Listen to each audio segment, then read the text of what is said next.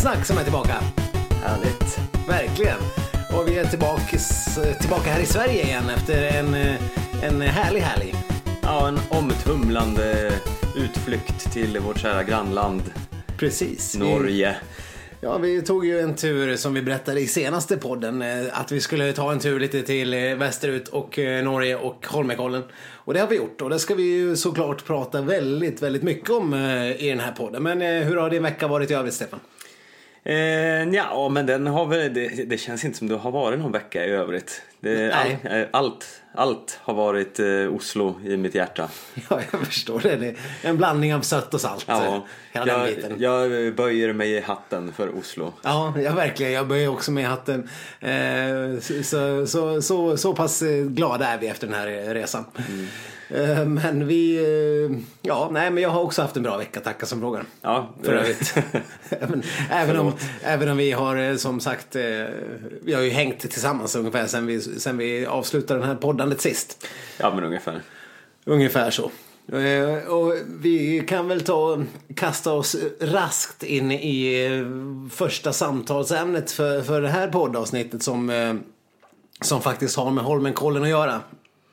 Mm, vi tänkte ta avstamp i den här superheta presskonferensen som eh, hölls i eh, Holmenkollen dagen innan tävlingarna började. Precis, vi kom ju faktiskt dit redan på fredagen eh, till Oslo, du och jag. Och då fick vi höra av en, av en härlig skidreporters bekanting att, att Marit Björgen faktiskt skulle hålla presskonferens eh, uppe eh, vid kollen. Eh, och då, då tändes ju alla möjliga eh, hopp och förtvivlan och man kastades vilt mellan känslorna. Det var, känslorna var all over the place så att säga. Minst sagt. Det började ju här i, som ni kanske kan föreställa er, i eh, skidsnacksduon att spekuleras i vad som skulle sägas på den här presskonferensen. Ja. Eh, det var allt mellan eh, eh, himmel och helvete. Ja, verkligen. Och så satt vi då. Eh, vi hade kommit som sagt ganska tidigt. Den här presskonferensen var någonstans mitt på dagen. Eh, vi hade väl laddat upp med en rejäl starkölslunch för att hålla nerverna i styr. bara, för, bara för att vi inte visste vad som skulle kunna hända. Ja, ska tilläggas att vi var ju inte på själva den här presskonferensen. Nej, nej, nej, vi- nej, nej, nej, nej, nej, nej, herregud, nej. Nu ska vi vara väldigt tydliga med det. Vi, men vi, Så vi ramlade inte in som två fulla as på en presskonferens och Nej, det- eh, det spred dålig stämning. det vi satt helt enkelt och bevittnade den här via mobil. Precis, eh, med denna nya tidens teknik som vi alla känner till så kan man faktiskt strömma allehanda presskonferenser eh, på internet.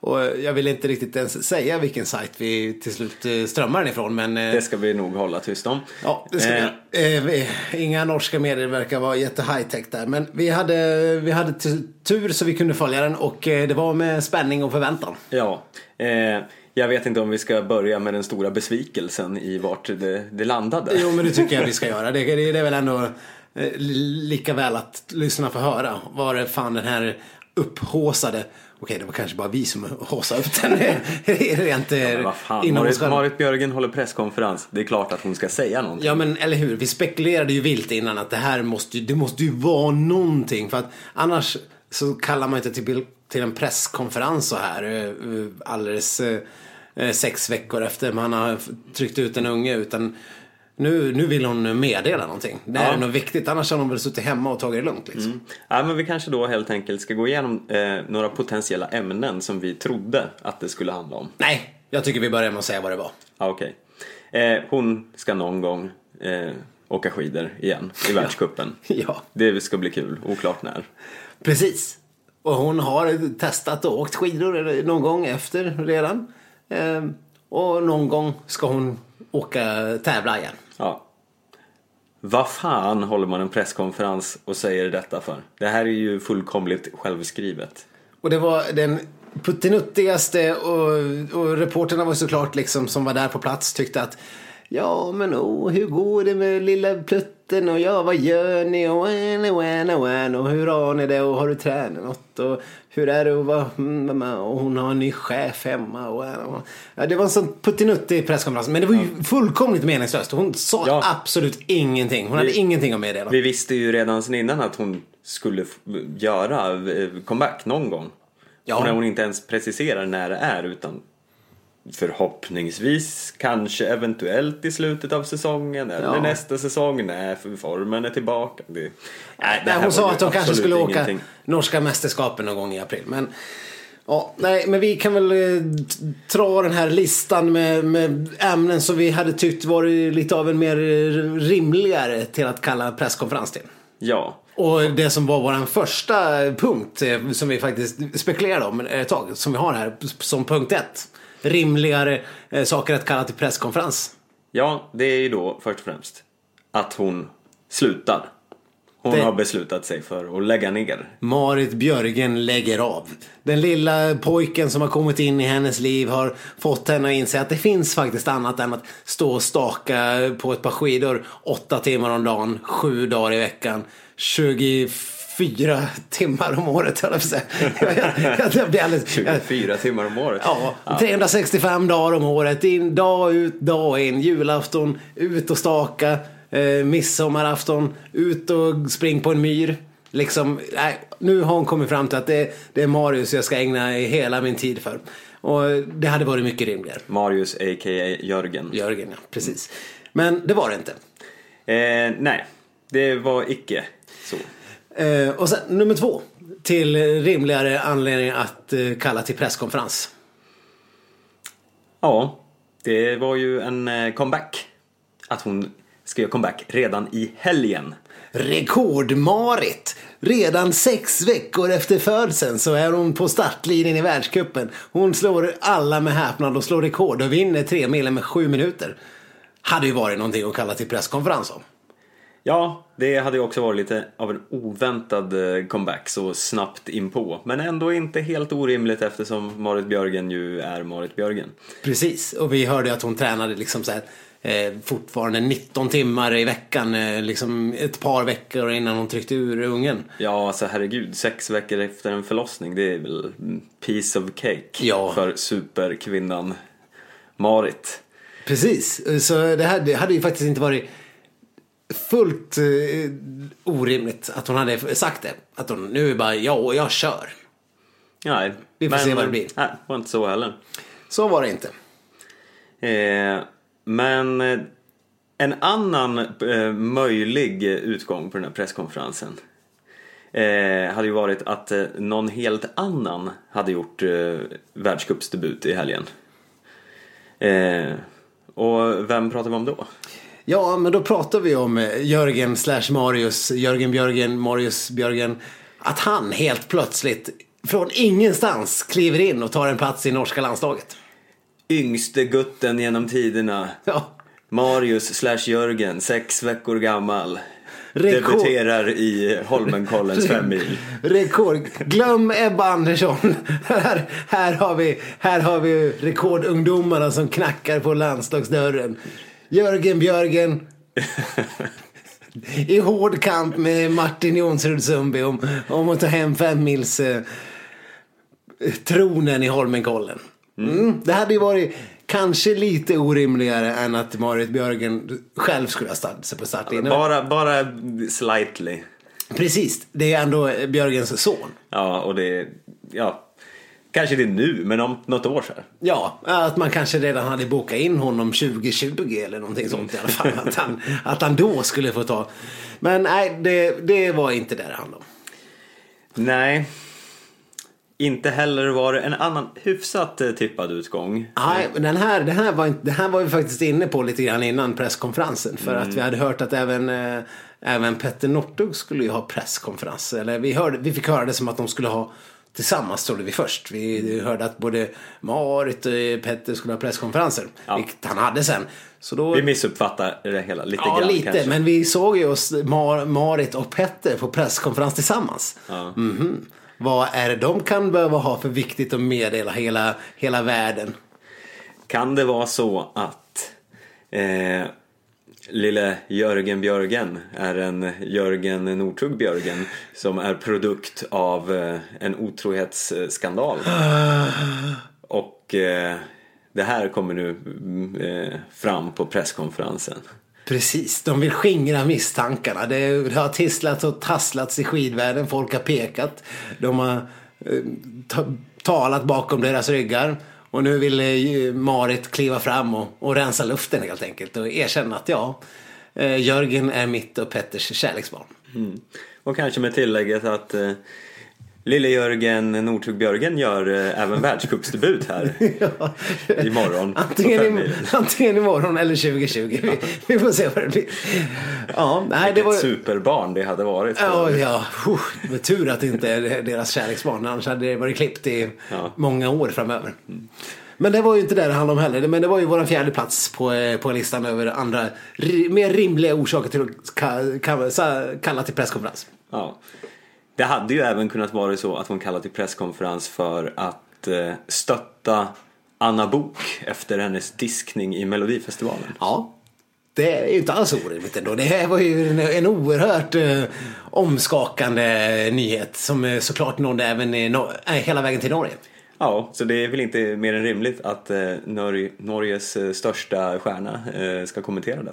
Man vill ju ändå höra vad Marit har att säga om Anna Bok-skandalen. Mm. Hon kanske till och med har skrivit en låt till henne till nästa år. Ja, precis. Det var ju, det var ju en uppsjö med andra personer som hade redan erbjudit sig att skriva låtar. För er som inte är insatta i schlagervärlden så, så blev ju då Anna Bok diskad från, från första deltävlingen i Svenska Melodifestivalen.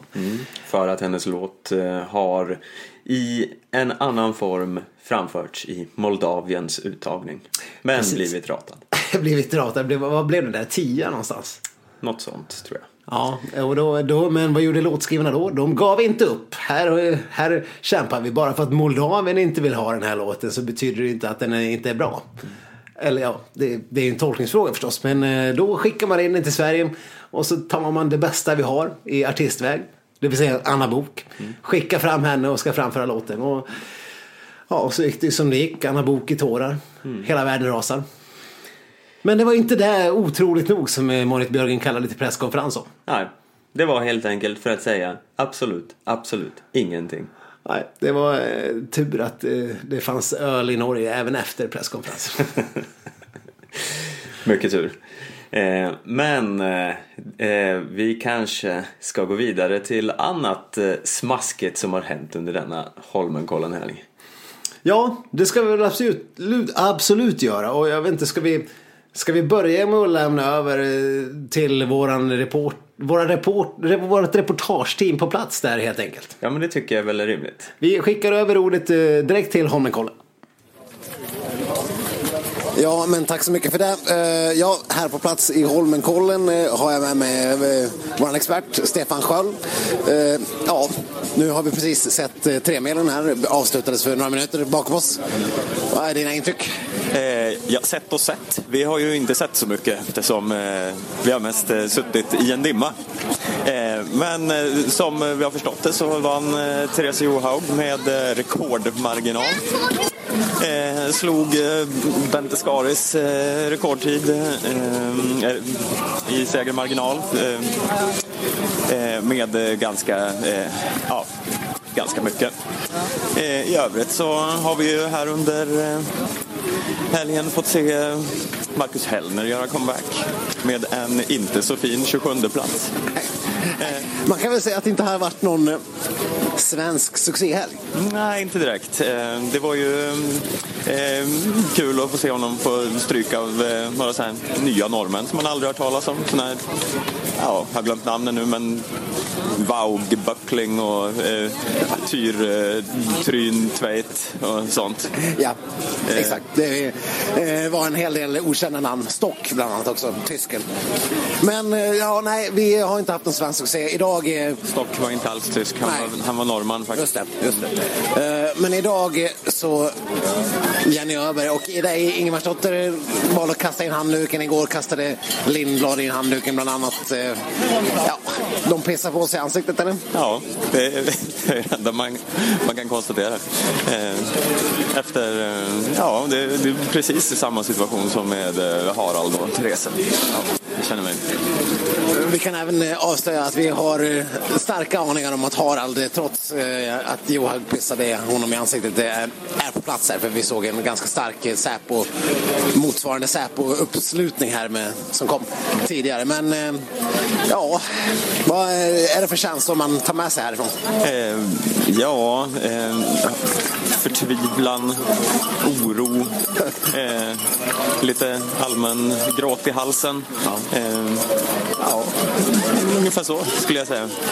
Pretty much uh, sums it up. Eh, ja, nej men med det så tror jag väl att vi tackar härifrån Holmenkollen och lämnar tillbaks till er grabbar där i studion. Eh, Ni gör ett jävla bra jobb. Fortsätt så. Keep up the good work. Hej då från Oslo. Ja, men eh, tack ska ni ha grabbar. En utmärkt eh, rapport ni lämnar. Tack så mycket. Ja, ett av de bästa teamen eh, eh, man kan ha på plats. Ja, men eh, tänk vilken oerhörd tillgång det är för oss på Skitsnack att få ha sådana där excellenta reportrar som är ute och gör grovjobbet på fältet. Ja, och man, man kan kontakta dem när som helst och de ställer upp. Ja. I vått och torrt. Aldrig, aldrig någon liten li- tvekande ord eller, eller grymse eller någonting. Utan det är bara yes boss, vi kör, vi sticker, vart ska vi? Nej, ri- riktigt gedigna killar det där. Eh, men det, de var ju inne på det där mycket med eh, det här vädret. Ja, herregud. Ja, nej, det får mig att tänka på en gammal eh, klassiker som, eh, ja, du känner igen den här. Norge, Norge är världens sämsta land. Norrmän, norrmän, de borde tas om hand. Norrmän, norrmän, det folk som Herren gav.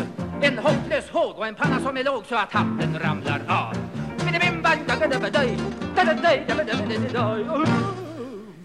För er som inte har varit på Holmenkollen eller på vilken skidtävling som helst egentligen så kan ju vi förklara lite hur, eh, hur mycket man ser vanligtvis.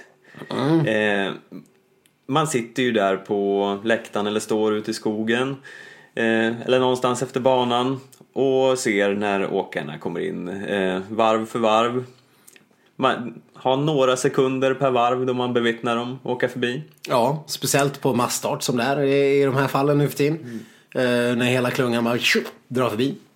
I övrigt så håller man ju precis som tv-tittarna koll på en eh, tv-skärm eh, Ja. som brukar vara uppsatt på ja, någon bra placering i arenan.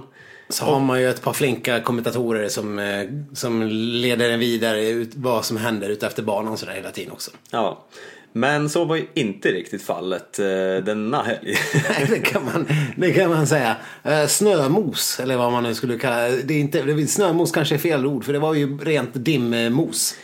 Ja, det var, om man vanligtvis kanske ser dem passera på andra sidan arenan och sen över någon liten backe och sen inne på arenan så såg man ju nu i princip en enda passage. Det var Ja. när de svängde runt lite närmast läktaren. Precis, så att själva tiden man såg löparna var väl kanske 8-10 sekunder åt gången max. De, de gångerna de passerade. Och på de här storbildsskärmarna som satt upp bara kanske 100 meter från, från där vi var. På läktaren så, så normalt sett kan man ju ganska väl följa loppet även fast det är en storbildsskärm 100 meter bort så kan man ju ändå typ se allting och, och så man, till och med så att man ser namnen som virvlar förbi där under. Men eh, nu, du, du, såg vi inte vi såg ju inte 50 meter bort. Vi såg ju så, som du sa 30 meter bort. Ja, om ni där hemma tyckte att det var en dimmig sändning Ja. så hade ju vi dubbeldimma eftersom vi även hade dimma framför den dimmiga sändningen. Ja, ja, och därav inte såg ett skit. Nej, de där storbildsskärmarna var ju liksom bara glöm. Glöm det. Och, nej, vi fick ju, vi satt ju följde i Fiski-appen ungefär. Ja, det, eh, damernas lopp började lite med att vi såg någon form av silhuetter som startade långt i fjärran. Ja, Sen eh, visste man ingenting, man kunde inte följa eh, någon skärm. Sen helt plötsligt sa kommentatorerna. Nu har Johaug fått en lucka. då, hade de, då hade de alltså på riktigt knappt tagit sig ut ur staden. Ni som såg det här på tv kanske känner till att hon fick ju sju sekunders ledning efter 500 meter tror jag det var. Vilket är ganska, ganska stört. Ja. Så spänningen var ju inte direkt olidlig där på arenan. Nej, det var ju inte det. Alltså det var ju, ja. Jag vet inte vad man ska säga. Den var väl inte olidlig framför eh, tv-apparaterna heller. Just vad gäller Johaugs lopp. Men eh, för oss som var där på plats så var det ju nästan eh, liksom löjligt eh, av hur dåligt det var. Och sen dessutom på söndagen så, så satt vi där. Hade ju klätt på oss ändå riktigt rejält får man säga. För det var ju bara någon enstaka, det var väl typ runt nollan hela tiden. Ja, och vi har ju inte som norrmännen där inbyggda understället som eh, Nej. vår eh, kollega på Svensk Damtidning pratade om. Nej, Johanna. Leijona hon sa ju mycket riktigt att Harald, precis som alla andra norrmän, har, har inbyggda underställ med blodet. Ja. Och det har ju inte vi eftersom vi är, vi är klena svenskar. Eh, så hade vi vanliga underställ istället och tjocka jackor och jag köpte sittunderlag och sådär. Men det, det spelade liksom ingen roll där på söndagen för att eh, när man satt där och sen kollade man ner på armarna lite grann och såg att men, jackan blir bara blötare och blötare. Jag, det är inte som att jag ser att det regnar men jag ser ju att det droppar på jackan fast jag ser ingen regn. Nej, ja, det var jävligt eh, jobbigt väder. Och så plötsligt var man genomsur och frös och var sur för att Sverige var så kass. Och, Ja. Men det fanns ju, de peppar igång en i alla fall lite på den där läktaren. Man får ju kliva upp och dansa till What the Fox Say och Ja. Gangnam Style och sånt där. Stå- Och vi kanske ska spela en liten snutt av eh, What the Fox säger denna stora klassiska några hit. Jo men kom igen, bara 10 sekunder. Det, om ni inte har hört den förut så låter det helt fantastiskt. What does the fox say? What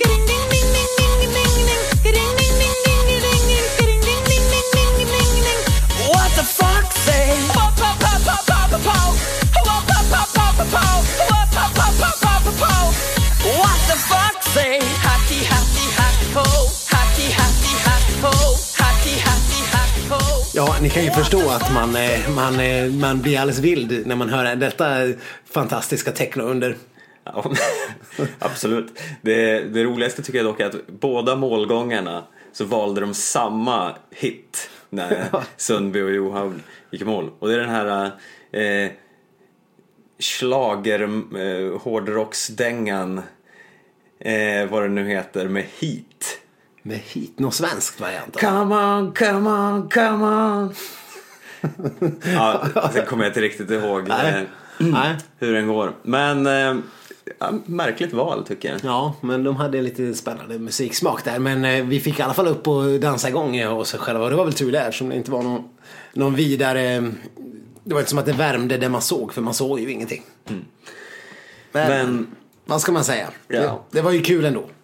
Det var kul ändå och det är ju faktiskt eh, ganska så imponerande att se Therese Johaug åka. Ja, alltså det var ju helt stört. När vi såg henne staka runt de, de tio sekunderna per varv som vi såg. Hon hade ju hela tiden en ett sinnessjuk frekvens. Och jag vet inte hur riktigt man kan motivera det när man efter, efter bara någon, eh, några kilometer har en minuts ledning och sen, och sen bara fortsätter att dra ifrån. I princip i hela loppet. Och visst, hon hade någon form av rekord. Hon, hon fick väl säkert rapporter om att hon kunde slå rekordet. Eh, och det gjorde hon, hon fullkomligt pulveriserade ju det här rekordet.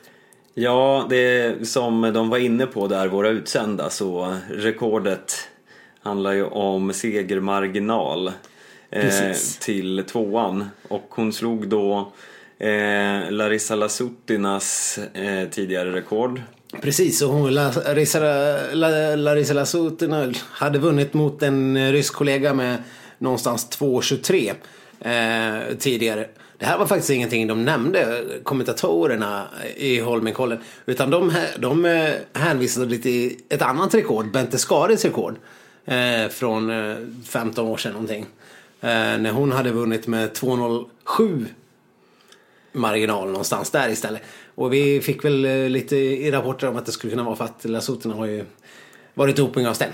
Ja, så de räknar väl inte det här eh, rekordet som giltigt, även fast det finns med i listorna. Och det spelade väl ingen roll egentligen för att Johaug eh, fullkomligt eh, var, ja det var ju stört. Hon vann med 3.46 före eh, Östberg. Ja, och det, det är faktiskt helt bisarrt när man ser det. För även om Östberg och Kyllönen och Weng och Kalla och alla de andra eh, som låg där uppe, Monnonen. Även om de ser ut att åka fort så det ser ut som att de är ute på promenad i Ja. jämförelse med Ja, Therese Johaug. Det är, Det är så- Kalle Anka Cup, eller det är Ja. som när du och jag är ute och åker ungefär. Så Eh, såg det ut i ja. jämförelse. Det, det går ju, alltså om man bara dömer till synintrycket så ser det ju ut som att hon åker lika fort som eh, Sundby. Ja. Och eh, nu har vi inte kollat på några tider här men det, jag tror ju att hon på en tre mil att döma slår ganska många av herrarna tidsmässigt. Det skulle hon säkert kunna göra. Och, det, nu, och sen är det ju som, så sjukt imponerande att hon kör ju bara sitt eget lilla race där. För att hon, hon, hon leder ju från start och sen är ensam efter 500 meter och sen bara kör själv.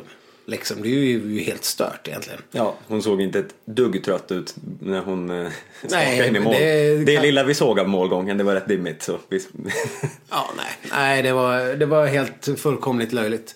Eh, på alla sätt. Så att eh, det var bara att eh, böja på hatten helt enkelt. böja sig i hatten. Böja sig i hatten. Vi, vi böjer oss i hatten eh, för Therese Johaug. Eh, För er som inte riktigt eh, förstår vad vi säger nu eh, så kanske, Vadå? kanske vi ska Vad är förklara de inte detta. skulle förstå med att böja sig i hatten? Det är väl ett helt fullkomligt rimligt uttryck. Ja, i alla fall om man heter Johanna Ojala och är kommentator i SVT.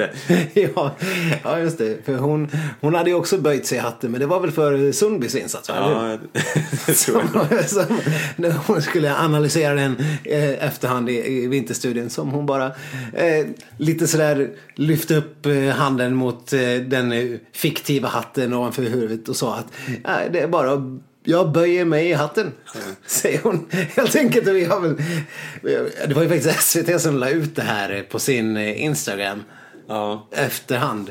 Vi har väl... Jag, jag kan ju förstå att hon menar att hon, hon lyfter på hatten, att hon bländar upp den. Men, men Att de böjer sig och bugar. ja, det det, blir någonstans där hon försöker... Men man får en väldigt kul bild i huvudet. Ja, Jag ser ju liksom henne framför mig göra den här stretchövningen när man med raka ben ska ner och nudda tårna Ja. i en enorm hatt. Och vad det betyder är ju högst oklart. ja, Men eh, bra, jag, jag, jag ska fortsätta använda det. det är ett helt kungligt uttryck i alla fall. Så Johanna Oela, du ska ha... Ja, vi böjer oss i hatten för att du Ja. lyfter fram det här uttrycket. Det är väl lika bra vi pratar om det här som vi också var inne på, eller vi, vi hörde våra utsända var inne på eh, lite grann om Hellners, eh, Hellners insats, 27 plats, bäst eh, svensk på femmilen. Eh, och eh, nu har inte vi kollat upp det här men det måste ju rimligtvis kunna vara en av de sämsta svenska femmilarna i Holmenkollens historia. Ja, det, det är väl bara representativt för den här säsongen överlag. Ja, det, det vill man ju ändå tro. Det är Eh, ju så här, visserligen, Marcus Hellner gör comeback i en femmil. Inte kanske det lättaste loppet att göra comeback i. Speciellt inte som det är klassiskt, vilket som alla känner till inte alls är hans favoritdisciplin på något sätt. Det är ju inget nytt. Eh, jag tycker ändå det var, som sagt, jag har ju alltid varit team Hellner till skillnad mot Stefan som, som är, som är diss, team diss av Hellner hela tiden. Men eh, ja, eh, det var ju kul att se honom åka igen, även om det inte var, jag tror det var bara bra att han fick se en sån här rejäl genomkörare. Ja, det kanske var bra inför någon sån här 15 kilometer fritt som kommer snart. Ja. Eh, Ja, redan, på, redan i Falun kommer det en sån. Men eh, för övrigt så får vi väl ändå utse till största soporna i Holmenkollen från svenskt håll var väl ändå eh, det svenska supportteamet som i två minuter inte fattar att Daniel Rickardsson behövde en ny jävla skida. Vad i helvete? Alltså stackars Daniel Rickardsson. Han, eh, Om ni inte såg, det här var faktiskt något vi såg ganska tydligt av. Den enda saken vi såg, eh, precis allting. ja, för det här hände alldeles framför oss. Så, Ja, den, den när Rickardsson plötsligt bara har en halv jävla skiva, skida och ni, vissa, många av er har säkert sett det här på tv. Men, men vi ser ju eh, sen när han står framför oss och bara s- står och helt uppgivet kastar upp händerna och skriker efter någon lagledare. Och, och kommentatorerna i, i, på Holmenkollen skriker att Hellner Bru, eller vad säger jag, Rickardsson har bru, Rickardsson har brutit skidan och han behöver en ny. Men ska vi se om man får någon hjälp. Och det, och det, man, ser på, man ser par svenska lagledare som går där och strosar. Och det är ingen som gör det minsta lilla ansats att hjälpa honom. För att det, det är ingen som, ingen som ens kollar på honom eller uppfattar vad som händer. ja, det är ingen som ser ett skit. Nej, så han åker mot något staket där och står och viftar och till slut är han helt uppgiven. Och efter någon minut så ser man ju paniken i någon svensk vallare eller materialares ögon. Och när de bara springer iväg, sprintar iväg och hämtar någon jävla skida. Ja, det tar ju säkert tre minuter innan han är igång igen. Ja, men två tappade han väl på det här. 2.20 efter någonstans där vid, varv, vid varvningen som det var. Ja, någonstans där kring. Faktagranskarna är, nog på det. här. Ja, förmodligen. De är precis inne och kollar hur pass mycket efter. Jo, men jag, jag är ganska säker på att det var runt 2,20. Och, och det, det är ju helt orimligt för han var ju, han var ju inne, inne, inne på stadion. Han ju bara kunna få en skida. Okej, han, om det händer ute i spåret kan man ju fatta att det tar lite tid. Ja. Men för ja, då visst, man har inte extra reservskidor överallt. Men det här är ju ändå precis bredvid det här skidbytarbåsen där de lägger de andra skidorna och sånt. Ja, ja. Och det hade inte ens behövt vara hans egen skida. Nu fick han väl någon annan och fick byta igen sen. Men att det tog så jäkla tid förstörde ju hela, hela Rickardssons lopp. Och då hade ju han ändå nämnt som lite av en outsider här inför.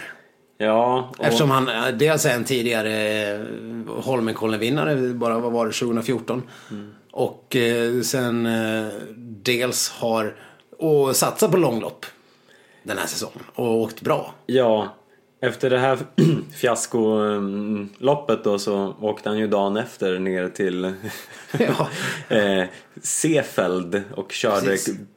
Vad heter det? Kö- Könglöderlauf. Ja, det var inte bla, här, inte det här klassiska utan ett annat. Ja, nå- något sånt där lustigt eh, långt namn som jag inte kommer ihåg. Nej. Eh, en 65 kilometer typ. Ja.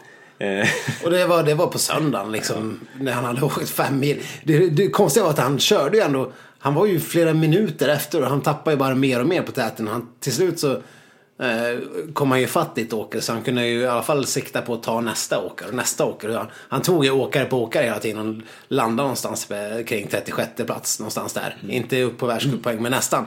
Så det, han gjorde ju en fullkomligt briljant insats ändå. Fast det slutade ju med att han var eh, bra många, många minuter efter de som, som vann. Liksom. Så att, eh, men sen sticka ner och köra 65 kilometer dagen efter. Där det gick ändå hyfsat bra för honom också. Ja, det, det är ändå strångt jobbat tycker jag. Det, det säger ju en del om psyket på vissa. Ja. I övrigt behöver vi väl inte säga så mycket mer än om att de förmodligen har varit nere i tunnelbanan och hånglat med den här uteliggaren som Ja. sprider luftrörssmitta Precis. i svenska landslaget. Eller haft med den här italienska luftrörsmarodören att göra Ja. på KI. Det är nå- något av alternativen är ju fortfarande rätt. Vi vet inte vilket. Eh, Men eh, nej, det, var ju, det bröts ju till höger och vänster. Ja. Och eh, ja men vad är det med och den här säsongen? Jenny Öberg fick någon mystisk knäskada och Ida Ingemarsdotter hon bara kunde inte andas. Nej, och Anton Lindblad vet jag inte vad som hände med. Nej. Nej, det var, det, det var väl ingen prakthelg på något sätt. Men vi, Kalla gick ju i alla fall in och blev sexa. Ja, eh, Kalla får man ju ändå böja sig i hatten lite för. ja, det, det, det, det är ungefär det vi har att- böja oss i hatten för. Det är inte mycket annat eh, svensk insats den här helgen. Men eh, ja, som sagt, Charlotte Kalla. Eh, den lilla, lilla ljusglimten i, i detta Holmenkollen-dimma. Mm, för att använda ett eh, väl eh, eh, ofta använt uttryck. Precis. En sak som vi kanske inte reagerade jättemycket över Men som den gamle skidlegendaren Oddbjörn Hjelmeset reagerade desto mer över. Ja, ja, vi, vi kan väl börja med att säga att, att det här var något som först och främst Johaug efterlyste själv. Eh, att, eh, att man i Holmenkollen skulle införa individuell start. Ja, Och, och hon gjorde ju det för att hon trodde att publiken eh, och alla tv-tittare skulle tycka att det var lite mer spännande när det kanske inte var någon sån här överlägsen one man show. Eh, och, det, och det har ju lyfts fram som, som av, av massstartskritiker förut som en bra anledning till att, eh, till att ha individuell start istället för massstart. Eh, sen finns det lite andra infallsvinklar på varför man borde ha individuell start. mm. det är ju då eh, som jag nämnde eh, Oddbjörn Hjelmeset som eh, tycker att det eh, vore bra för att man inte ska supa så mycket på läktaren. Ja, det, det är en fantastisk... Det är en anledning så god som någon. Vi, ska vi säga. Oddbjörn Hjelmeset är ju, för er som inte känner till, en norsk skidlegendar. Eh, också eh, numera någon form av expertkommentator. Men han har ju eh, en långt sträckande skidkarriär med massa VM-guld. Fem stycken VM-guld, fyra eh, stafett, en fem mil. Och eh, en uppsjö övriga VM och OS-medaljer. Har du koll på de här siffrorna nu? Ja, jag känner att jag har hyfsat bra koll på det här ändå. Men han är som sagt eh, expertkommentator för eh, någon form av eh, Ja, skitsamma. media. Han eh, tycker i alla fall att det här är ett problem för att folk eh, fokuserar för mycket på fyllan Ja. och inte och bryr sig om tävlingen eftersom man inte ser så mycket av dem. Eftersom Precis. alla är ute. Så han menar att folk sitter på läktaren eller står ute i spåren och bara super. Ja. När de inte får se, se, se. I individuell start så hade man ju som bekant sett åkare komma var 30 sekund åtminstone hela tiden liksom. Ja, men klipp dig för fan Oddbjörn Hjelmeset. Det, det är visst att det, folk har med sig lite bärs och någon Jägermeister här och var. ja det, Och- det såg vi. Man ser en hel del jägers. Ja, men det är ju inte som att folk ramlar kors och tvärs och eh, orsakar kaos och panik på den här Nej, läktaren. jag tycker Oddbjörn borde ta och besöka en random fotbollsmatch någonstans. Eller random övrigt idrottsevenemang. Men jag skulle inte säga att, att skidfyllan är något som hotar sporten. Nej, skidfyllan eh, kommer väl ganska långt under allt annat sånt där klimathot och eh, norsk dominans och sånt. Ja, lite grann så. Enda gången vi såg någon, någon form av polis var ju när, som sagt, när Harald lassades in på stadion. Eh, I övrigt var det ju ganska, det gick ganska lugnt tillväga får man väl ändå säga där i Holmenkollen. Ja, så jag känner bara publiken, ta er en, eh, en Ringnes och en shot Jäger och, och njut. Njut. Sen kan man väl ha individuell start, det vore ju trevligt, men inte av den anledningen kanske. Nej, det kanske inte var den allra rimligaste anledningen. Men det var ju ett roligt utspel i alla fall. Det får vi ge Oddbjörn. Han vet hur man, hur man tar stjärnglans fast man, eh, eller tar lite glans fast man fortfarande inte står i, i strålkastarljuset. Ja. Nu trodde jag du var på väg ut i någon väldigt konstig sån här böjer sig i hatten eh, liknelse. Men du, du rodde hem den till slut. Och det hem den till slut. Det var nästan planerat skulle man kunna säga. Ja. Eh, Vi har ju nämnt det ett par gånger här i, i podden att eh, vi har blivit faktagranskade och, och lite sånt. Ehm, och det, det var ju, nu hade ju faktagranskaren ännu en field day efter först, förra poddavsnittet och anmärkte på en eh, rad saker. Vi ska inte gå igenom dem den här gången utan det, det får ni efterforska själva genom att googla på eh, Ski PhD va? Nordic Ski PhD. Nordic Ski PhD. Och, Eller Gå in på våran Facebook så har de säkert skri- kommenterat någonstans ja, där. ja, men, Men vi eh, hoppas att vi blir lite bättre och bättre för varje avsnitt. Vi tar till oss eh, av allt och, och lyssnar. Men eh, vi har dessutom från en eh, lyssnare fått lite fakta angående något som vi ändå drog lite från höften. får man väl säga. När vi påstod att eh, Ulricehamn var ett av de eh, tatueringstätaste eh, tätorterna i, i landet. Med Ja. anledning av... Eh, Av Viktor Torns eh, oväntade tatueringar. Precis. Eh, så då har vi ja, en läsare här som faktiskt har bevisat att vi har rätt. Han har skrivit att med tanke på att han är född och uppvuxen i Ulricehamn så kan han uttala sig om tatueringsstatusen. Och eh, om man går ut en lördag i Ulricehamn då har minst hälften av eh, besökarna en halvsliv, tribals eller händerna tatuerade.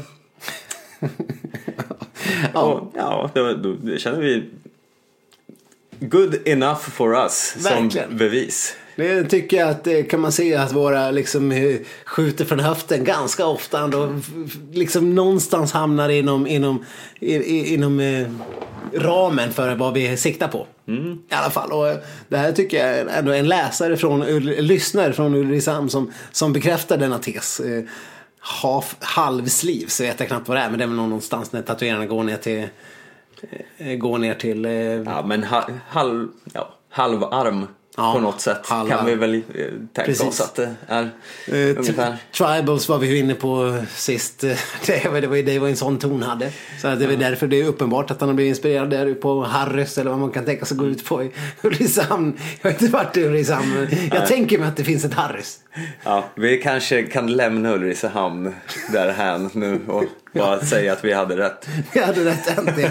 Och det här, och det här är det ingenting som faktagranskaren någonsin kan ta ifrån oss. Ja, eller- Hur mycket hen än vill. Alltså vi uppmanar faktagranskningsredaktionen att åka till Ulricehamn Ja, ja. en helg och kolla om detta stämmer. I sådana fall lovar vi att ta tillbaka allt vi har sagt. Ja, Och- vi, vi, vi, har, vi är inte större än att vi gör en pudel rakt av. Nej, vi kliver ur den böjda hatten och eh, Ja, ja visst.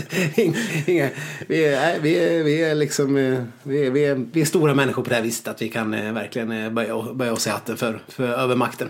ja, minst sagt. Uh, ja, jag tycker vi ska ta avslutningsvis kasta oss in lite grann i det som väntar nu. Uh, när ni lyssnar på det här har kanske slottsprinten uh, eh, redan varit och vi vet inte hur det har gått nu för nu är det innan.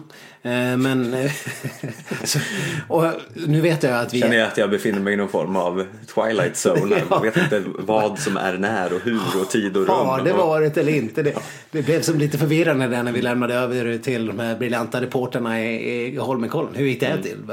Man, är liksom helt astonished hur, hur det fungerar. Men i alla fall, jag kan i alla fall eh, gissningsvis anta att eh, Petter Northug har vunnit eh, igen eftersom han verkar uppenbarligen vara i bra sprintform. Så jag säger väl att när ni lyssnar på den här så har Petter Northug förmodligen vunnit slottsprinten i Stockholm om den ens har blivit av eftersom det är kaosväder här i huvudstaden. Och sen kan vi väl säga att eh, förmodligen har Öberg vunnit eh, sprinten på damsidan. Öberg?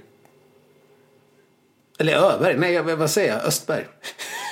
Tänkte jag. Och vad, vad är du nu ute i för Öberg, ja, det hade ju varit roligt i och för sig. chockskrälltippningen?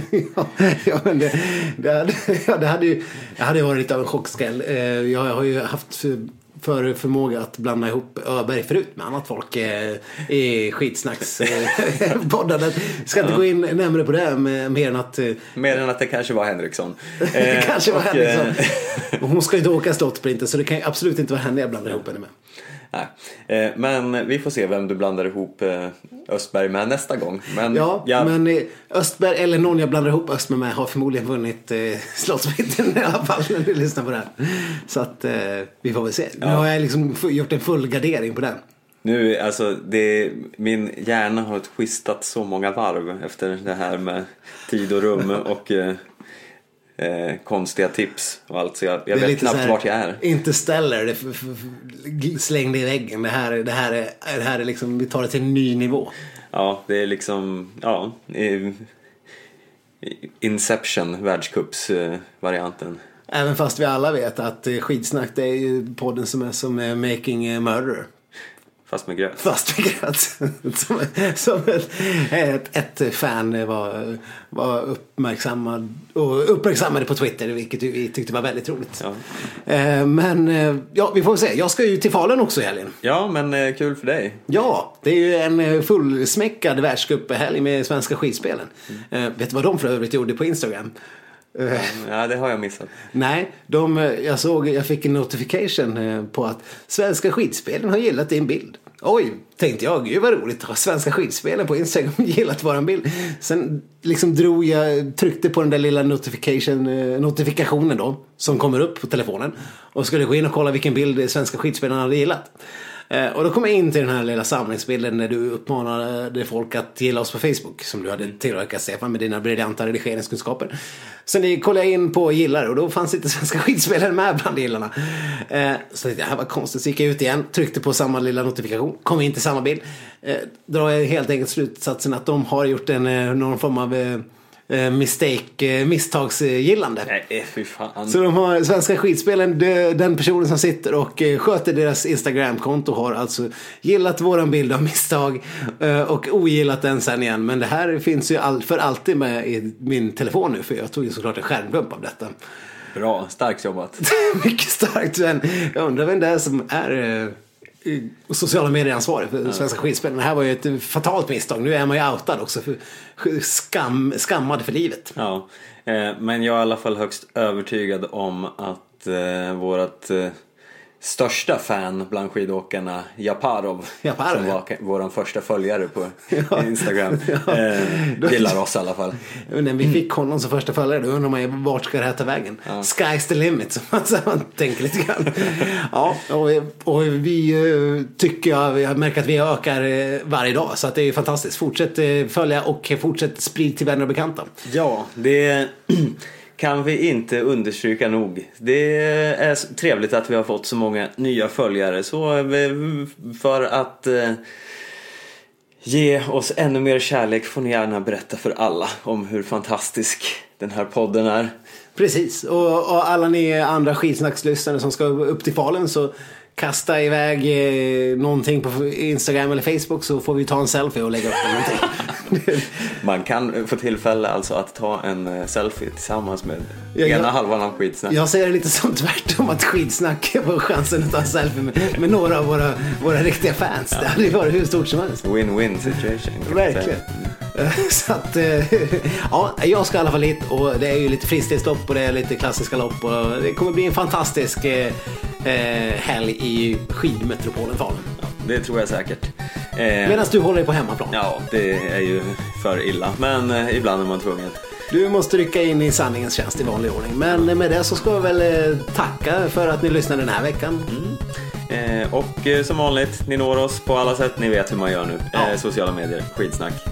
Precis. Eh, och eh, så hörs vi igen nästa vecka. Ja, vi böjer oss i hatten.